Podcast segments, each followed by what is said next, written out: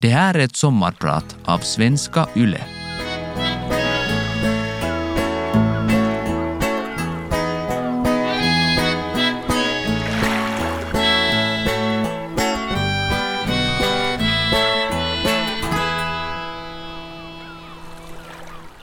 Jag hörde om en pojke som höll på med ridning och tyckte att det gick utmärkt.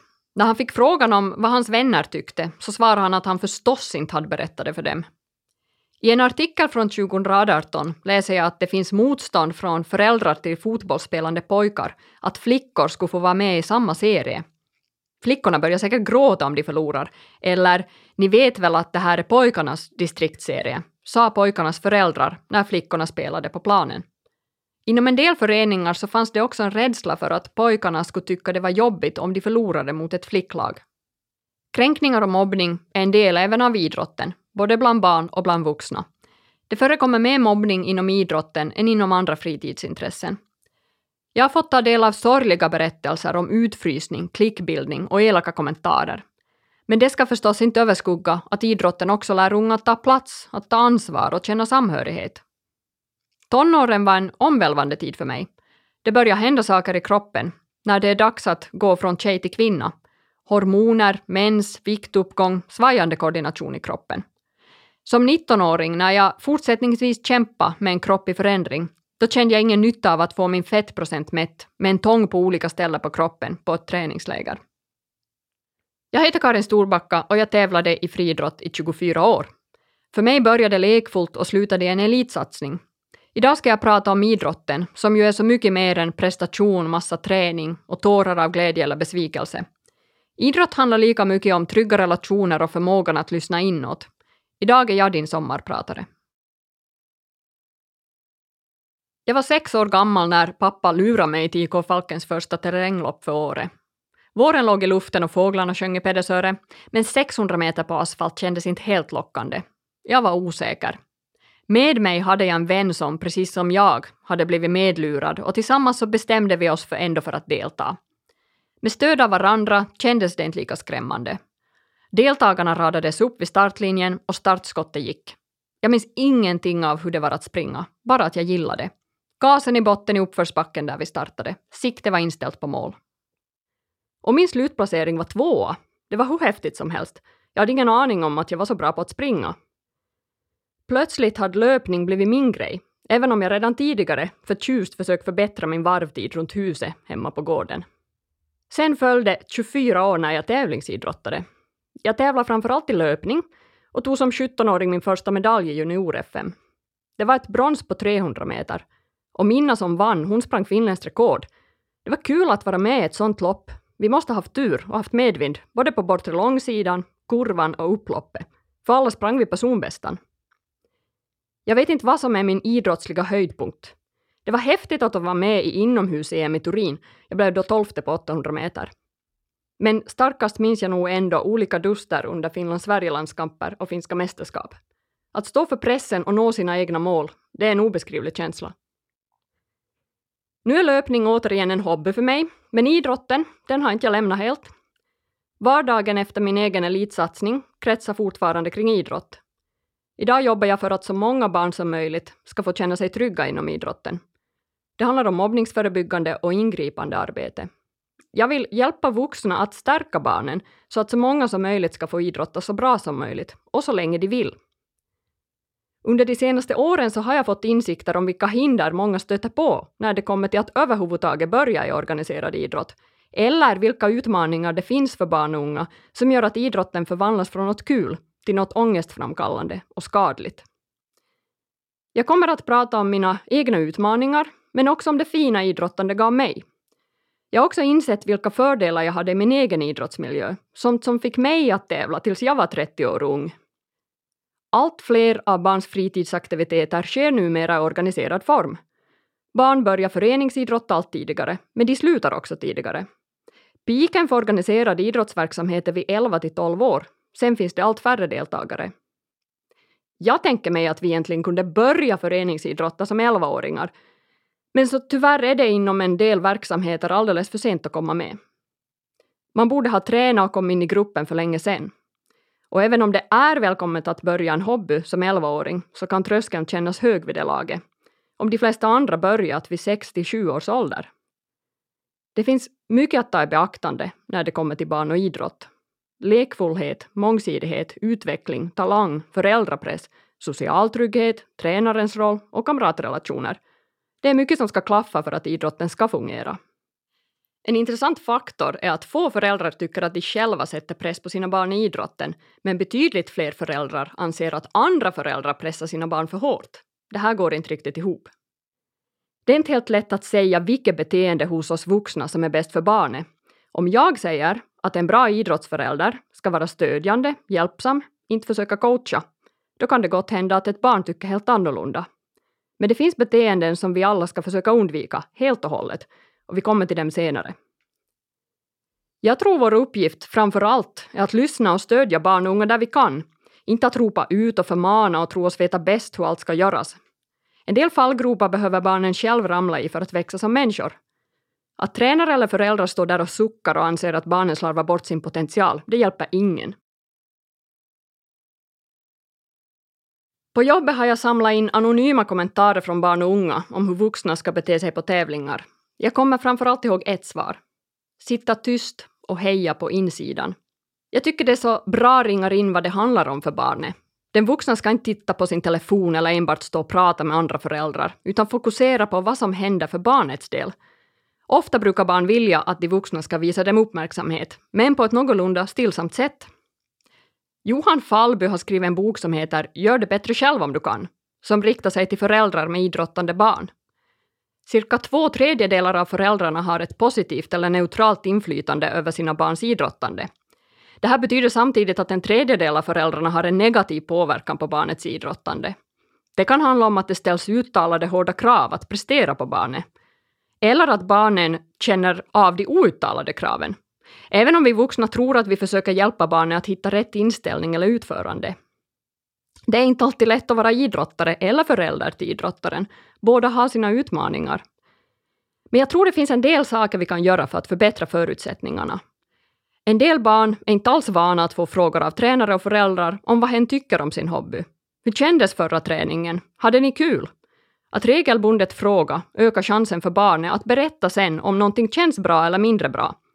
Och fråga nu hellre hur var det på tävlingen idag, inte där gjorde du mål eller vann ni? För att vara den bästa möjliga stöttepelaren för ett idrottande barn tror jag det framför allt handlar om att fråga och lyssna. Samma sak gäller hur vi vuxna ska bete oss på tävlingar, uppvisningar, matcher och liknande. Fråga barnet! Gillar barnet att du klappar i händerna, hurrar och hejar? En del barn älskar det, andra kan tycka du är jättepinsam. Hur reagerar vi vuxna när något går bra eller dåligt, när barnet lyckas eller misslyckas med en prestation? Är vi genast där och berättar för barnet vad vi tycker, eller låter vi barnet själv skapa sig en uppfattning om vad som hände och hur det känns? Vi är många som tycker att barnidrotten främst handlar om att lära sig nytt, känna gemenskap och att försöka sitt bästa framom att vinna.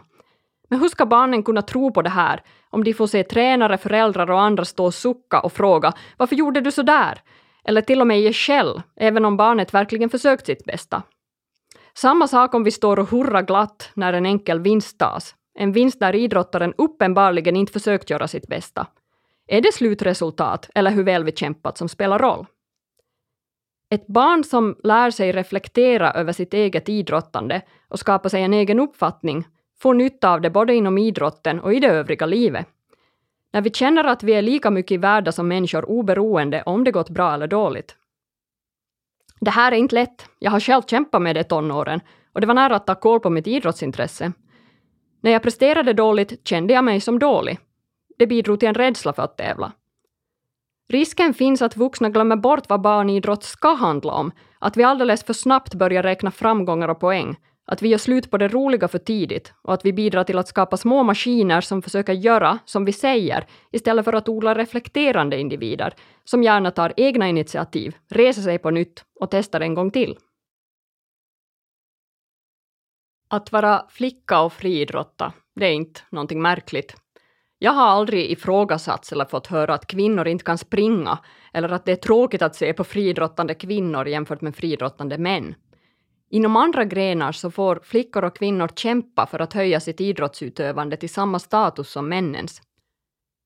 Inom idrotten delar vi in de flesta grenar i två grupper, en klass för män och en för kvinnor. För tillfället så finns det inga bra lösningar för var till exempel transpersoner ska tävla. Jag vet inte hur det är att se sig som idrottande kvinna, men ständigt bli ifrågasatt av publiken, av andra idrottare och av forskare som inte ser dig som en regelrätt kvinna. Jag vet inte heller hur det känns att vara en idrottande man eller att vara paraidrottare.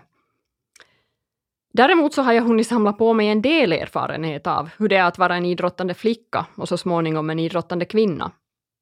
Våra upplevelser och erfarenheter är förstås unika så jag kan inte tala för alla kvinnor som springer. 800 meter var länge min huvuddistans och nyhetsrapporteringen efter att kvinnor för första gången sprang en 800 meters final i OS 1928 känns skrattretande. I tidningarna rapporterades det om hur det här hade knäckt kvinnorna och att de blev så utmattade att de föll omkull efter målgång. Ingen noterade att de manliga löparna hade reagerat på samma sätt vid målgång, men det var förstås inte riktigt samma sak, eller? Ännu på 70-talet så lade man ner resurser på att utreda huruvida fotbollar som träffade brösten kunde orsaka bröstcancer hos kvinnor. Synen på idrottande flickor har trots allt ändrats mycket med tanke på att idrotten traditionellt var en manlig arena. Visst, inom många grenar så finns fortfarande en uppfattning om att männens idrottande är det normala och standarden som vi utgår från. Men med tanke på att man ännu för knappt hundra år sedan tyckte att det var skadligt och onaturligt att kvinnor idrottade, så har möjligheterna att syssla med andra sporter än det estetiska ökat rejält. De flesta unga tjejer jag pratar med så tycker det är en självklarhet att kunna utöva vilken gren som helst. Och så ska det förstås vara. Ingen tror längre att det är farligt för kvinnors fertilitet eller att de riskerar åldras i förtid om de springer 800 meter så hårt de kan. Men vi kan inte heller luta oss tillbaka. Ännu på 2000-talet så har vi märkliga exempel. Internationella skidförbundets president så ansåg att backhoppning ur medicinsk synvinkel inte verkar vara lämpligt för damer. Det här är en påminnelse om att ingen utveckling är beständig eller en självklarhet, utan vi måste hela tiden arbeta aktivt för att göra idrotten så inkluderande och rättvis som möjligt. Synen på vilken gren som anses vara okej okay och inte okej okay för en pojke att syssla med känns ändå lite strängare. En pojke förlorar status när han utövar stereotypa flickgrenar. Jag nämnde redan tidigare den ridande pojken som inte vågar berätta för sina vänner att han red. Det verkar som att flickor har lite större utrymme för att göra, se ut och uttrycka sig på olika sätt inom idrotten. Den idrottande pojken eller mannen, han kämpar på med hårda tag, tar emot misslyckande med en axelryckning, eller kanske ett knytnävsslag i väggen. Han visar sig inte ledsen eller sårad. En flicka som reagerar med gråt på en motgång kan få tröst. En pojke som inte håller tårarna tillbaka kan tyvärr bli uppmanad att skärpa sig, eller kan, trots en tillåtande omgivning, har svårt att ge uttryck för sin besvikelse och istället reagerar våldsamt på tränarens försök att ge tröst. I den idrottsmiljö jag verkar så har jag främst sett och haft manliga tränare. De har varit bra tränare. Inom föreningen och under träningsläger så fanns kvinnliga tränare, men ju högre nivå jag nådde, desto fler blev de manliga tränarna. På juniorlandskamper så reagerade jag på att de få kvinnliga ledare som var med, så de fick ta sig an den stereotypt kvinnliga uppgiften att organisera med landslagskläder, medan de manliga tränarna diskuterade taktik med oss idrottare. Genom att räkna antal män och kvinnor och dessutom se på vilka uppgifter som utförs av vem, ser vi också vem som har makten. Vem har en given position? Vem får kämpa för att ta plats? Naturligtvis är allt det jag nämner inte ett mönster som alltid upprepar sig. Det finns massvis med exempel där det är okej okay att visa alla sorters känslor och där det finns vuxna som stöder och behandlar alla sakligt och likvärdigt. Eller gemenskaper där alla har lika möjligheter att delta och utvecklas. Men i allmänhet så tycker jag att den finländska idrottsrörelsen borde jobba på att bredda normerna, att skapa större utrymme för hur man kan vara, se ut, röra och uttrycka sig på olika sätt. Kränkningar, diskriminering och mobbning är en följd av för snäva normer. När jag kom i tonåren så började det hända konstiga saker i kroppen, för mig som för alla andra. Det är en omvälvande tid. Som de flesta andra kvinnliga idrottare drabbades också jag av hormonerna, av mens, viktuppgång och en svajande koordination i kroppen. Samtidigt förväntades jag veta vad jag ville satsa på i mitt liv allt medan kroppen var i obalans och hjärnan med sitt konsekvenstänk fortfarande höll på att utvecklas. Mensen var inget egentligt problem för mitt tävlande. Jag har vänner som visste att de inte kunde tävla alls, eller i alla fall inte tävla på topp när de har mens. För en del är det inget hinder alls, medan det för andra känns omöjligt att röra på sig på grund av smärtor, illamående och orkeslöshet. Som idrottare så kan det kännas som en dålig ursäkt eller pinsamt att nämna menssmärtor som en orsak till att man inte dyker upp på träning. Ju mer man känner sig begränsad att prata om saker som påverkar ens idrottande, desto svårare blir det att hitta lösningar. Som tränare till kvinnliga idrottare så kan det kännas svårt eller otillåtet att prata om allt från mens till kost och sociala relationer. Det här blir samtalsämnen man istället undviker att ta upp. Vardagen skulle bli mycket lättare, både för kvinnor och för män, om vi kunde tala öppnare om mens. Min pappa var min tränare, så han fick nog veta om det var så att mensen störde min träning. Men idrottaren kan ju till exempel via ett sms meddela sin tränare när hon får mens, eller att tränare och idrottare diskuterar på vilket sätt mensen påverkar idrotten. Om jag som idrottare står framför TV-kameran och inte nämner mensen som ett skäl till att tävlingen gick snett, behöver inte det bero på att jag inte vågar prata om mens. Det kan istället handla om att jag inte vill bli beskylld för bortförklaringar. Trots att det är bra att föra mensen på tal ska idrottande kvinnor inte i tid och otid känna sig tvungna att lyfta fram de problem som mensen kan ställa till med. Det viktiga är att kvinnor och flickor, tränare och ledare inom idrott, oberoende av kön, otvunget och utan skam eller nervositet ska kunna prata om mensens inverkan på idrottarens prestation. Jag tror många unga idag vågar prata om sånt en äldre generation kan tycka känns obekvämt. Så våga fråga och sätt igång diskussionen. När jag som 17-åring tävlade på 400 meter i finska mästerskapen för seniorer kom jag fjärde i finalen det var en stor överraskning för mig och jag insåg att jag hade potential att bli riktigt bra på nationell nivå, att ta medalj i FM. Det var först när jag var i 18-årsåldern som jag inte längre gick framåt av träningen. Tvärtom började resultaten bli sämre. Jag blev tyngre och möjligt ännu osmidigare och med en allt värre gräsallergi som bonus så sjönk motivationen rejält. Tränare och andra personer i min idrottsomgivning så frågade om jag gått upp i vikt, om jag fått mer massa, om jag blivit tyngre jag svarade då trotsigt nej, för det var ju uppenbart att jag blivit tyngre och klumpigare, och frågor om min vikt var inte något som löste problemet med försämrade tävlingsresultat. Jag förstår att de personer som frågade mig det här gjorde det i bästa välmening, kanske för att uppmärksamma mig på var skon klämde. Det var relativt nyligen som jag insåg att träningslära baserar sig på unga män och hur deras kroppar fungerar. Jag har alltså försökt äta rätt och träna smart som en ung man, inte som en kvinna, jag har känt mig naiv som inte förstått att allt jag lärt mig egentligen kommit fram genom forskning på enbart män. Det gäller optimala träningsupplägg, rätt rytmisering av träning och återhämtning. Jag förstår att det känns som ett hinder att ha kvinnor som testgrupp inom idrott när menstruationscykeln måste tas i beaktande. Och det är ju inte bara inom idrottsforskning mannen används som standard, men senast nu så måste en förändring ske. Jämställdhet innebär i vissa fall att behandla män och kvinnor lika, som inför lagen eller att få lika lön för samma jobb. Men i andra fall så innebär det att behandla olika, och det har inte alltid gjorts. Att kvinnor inte förrän på senare år fått ett särskilt intresseområde inom idrottsforskningen kan komma att innebära färre skador och optimerade prestationer i framtiden. Det finns till exempel några inledande rapporter på när i menscykeln det lönar sig att panga på med styrketräningen och när risken för skador är som störst.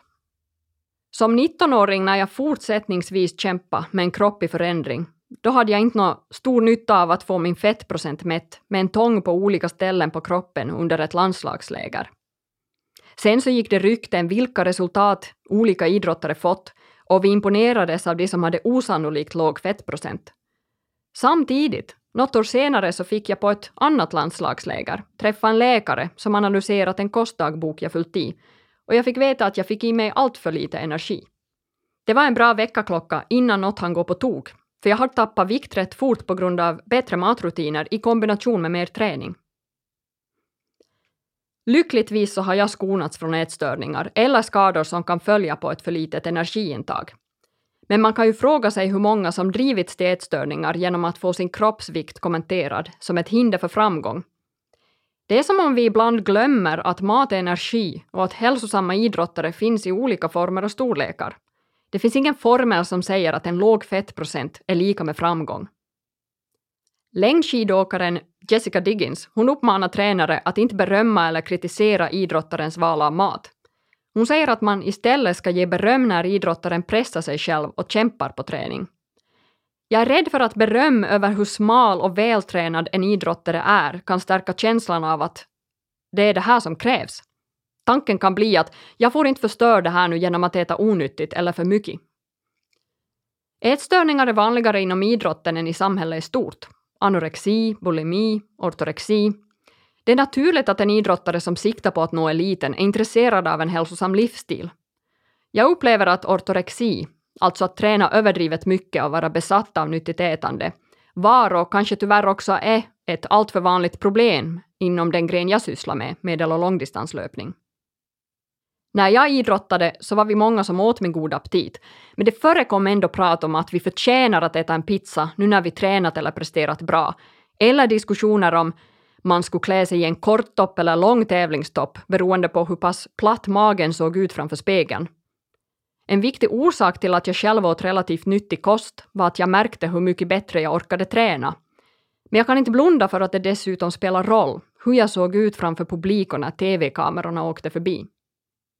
Jag heter Karin Storbacka och jag är din sommarpratare idag. Jag har haft få hinder i mitt idrottsutövande. Sen jag började arbeta med det jag gör nu så har jag också fått ökad medvetenhet om mina privilegier. Föräldrar som stöder, ekonomisk möjlighet att idrotta och satsa, en fysik som genast lämpar sig för grenen, en relativt god självkänsla och en hudfärg, en kroppsform, ett utseende, en bakgrund som inte kommenteras på ett negativt sätt. Bristande finska kunskaper har jag förvisso fått kritik för, men det kändes som en småsak.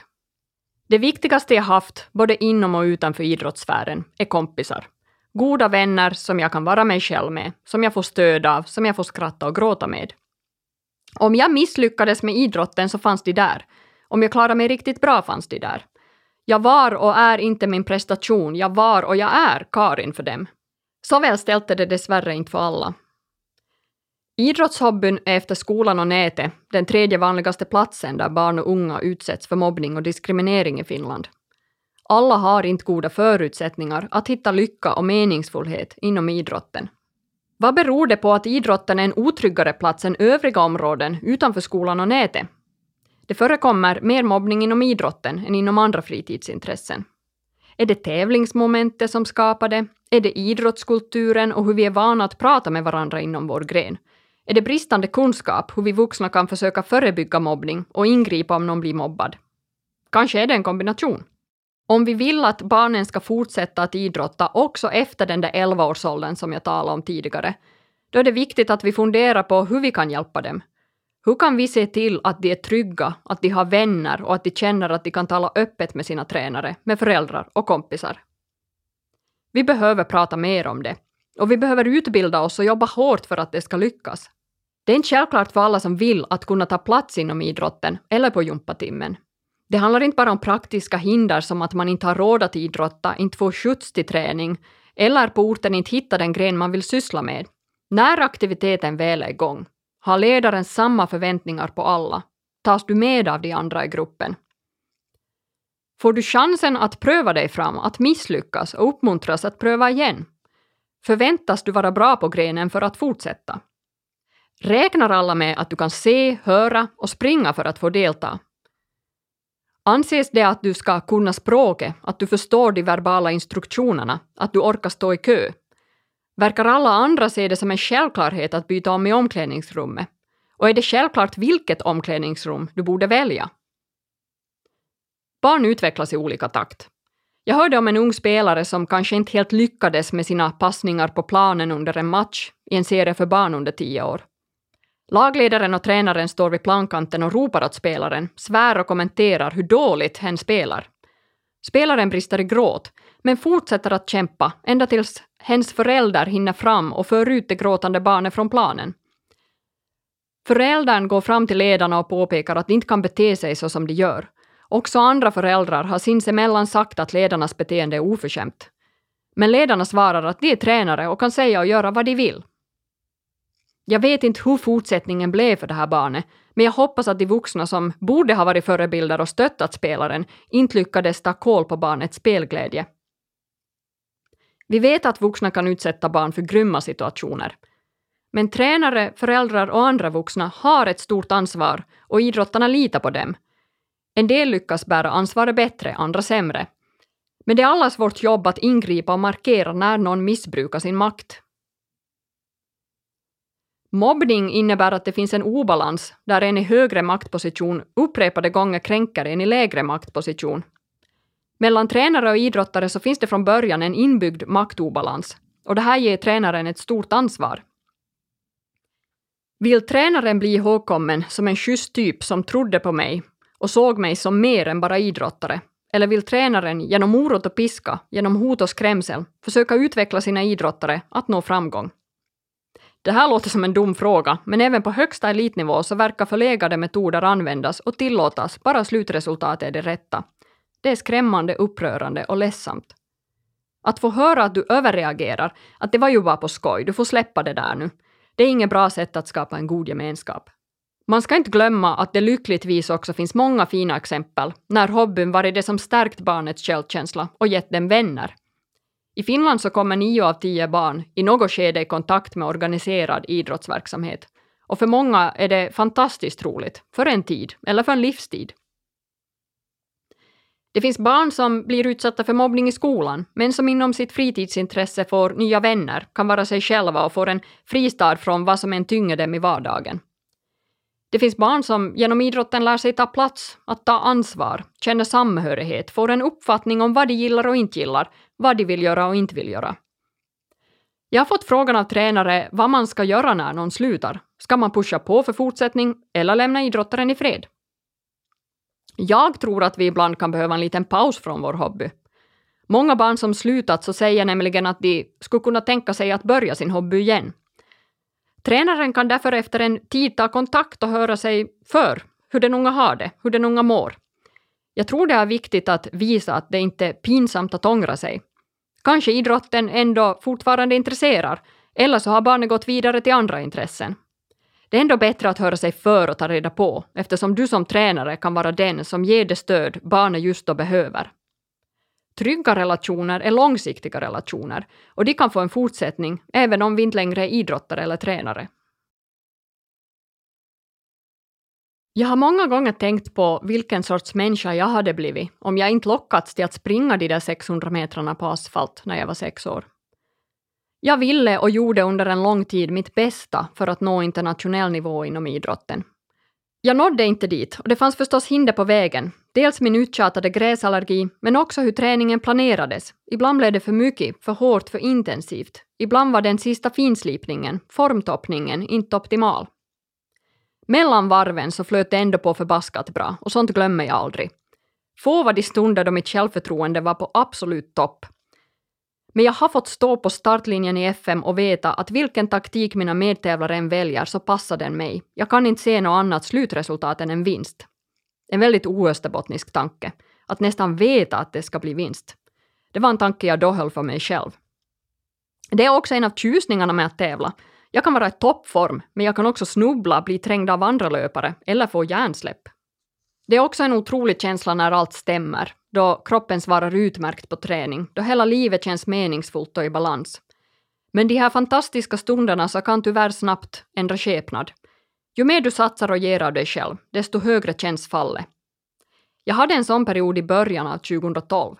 Jag hade genomfört många lyckade träningsläger med kompisar. Jag hade märkt hur formen stigit vecka för vecka, gjort träningspass jag aldrig vågat drömma om och blickat framåt mot ett EM på hemmaplan i Helsingfors. Men så kom då den där gräspollenallergin som jag i många sammanhang har berättat om. På två veckor slutade kroppen fungera. Allt rasade ihop på grund av en löjlig pollenallergi. Det var helt förkrossande. För jag såg mig då bara som friidrottare. Om jag inte kunde tävla så var jag ingenting. Jag kände bitterhet, desperation, ilska och sorg. Det var starka känslor som följdes av apati och likgiltighet. För något så enkelt som drygt två minuters löpning, två varv på en bana. Jag var kanske överdrivet dramatisk den gången, men jag har insett att det inte spelar någon roll vilken nivå du är på, vilket område i livet det än handlar om. Har du satsat allt på något och sett fram emot att få utdelning, då uppstår en kris som vi måste bearbeta om allt plötsligt får ett stopp. En del av er som lyssnar har kanske fått uppleva något liknande under coronapandemin. 2012 fick jag en hel del saker att fundera på, som om jag överhuvudtaget skulle fortsätta tävlingsidrotta. Jag är glad att jag fortsatte försöka, för det gav mig nya fina upplevelser och minnen. Och dessutom så fick jag lyxen att på förhand bestämma vilket som blev mitt sista tävlingsår.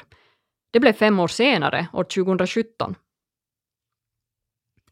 Trots att jag inte nådde mitt huvudmål så känner jag bara tacksamhet, aldrig ånger, över att jag valde att satsa på löpningen.